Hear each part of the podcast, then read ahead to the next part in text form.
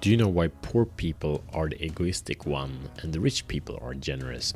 So welcome to Show the Fuck Up Minute. This is Matt Fyron and this show is for men that are ready to free themselves from the prison of playing small.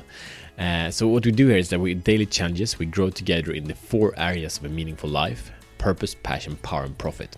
So the problem is that if you ask a poor person what they want, like what their dreams are, they tell you that you know they want uh, maybe a bit bigger house, they want a new car, maybe two.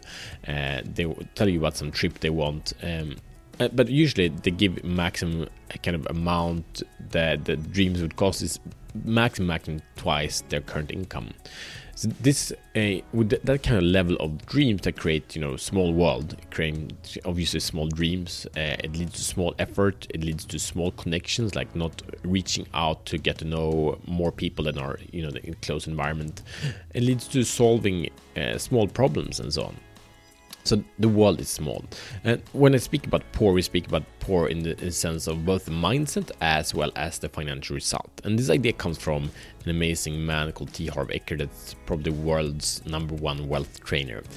So what's the solution here? So, so poor people think small, have small impact. Uh, what the solution is, if you ask a rich person, then they want tens of millions or they want billions, you know sure they have like higher living expenses and and and maybe they want even more stuff and and so on.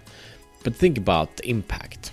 So who will they help to be able to achieve anything uh, that is greater? They will need to you know solve problems for more people.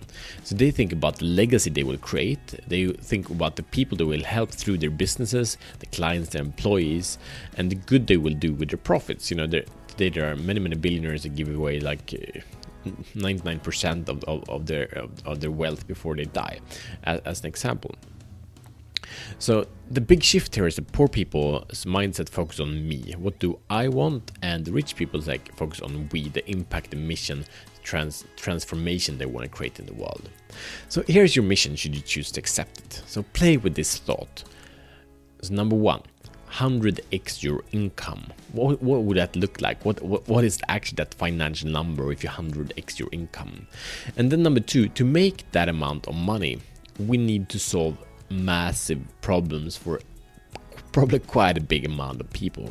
So number two to, to get clear about what problem would you solve and for whom would you make would you solve that to make that in income possible you get it so what problem and for whom? That's number two. Number three, who would you spend a big part of this money to? It's like, you know, you make these millions and millions or billions. So, so you, you you will be you know well beyond the needs of you and your family. So who will you support? What what who, what money will you give away to whom and how and why? So would you start schools? Would you start mentoring people? Would you buy homes? Would you feed the children uh, feed the homeless?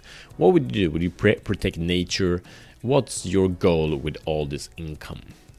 So 24 hours usually share it in in the group and and share with a friend and i'm sure you know a man that's thinking a little bit small uh, that is a little bit too comfortable or uncomfortable in his own shoes. So please share this episode and this might be the beginning of the transformation that he's looking for. And if you subscribe to this show we come out with a challenge to make sure that you're the best version of yourself and are a man that's free from the prison of playing small with unleashing your full potential. So, thank you and see you tomorrow as better man.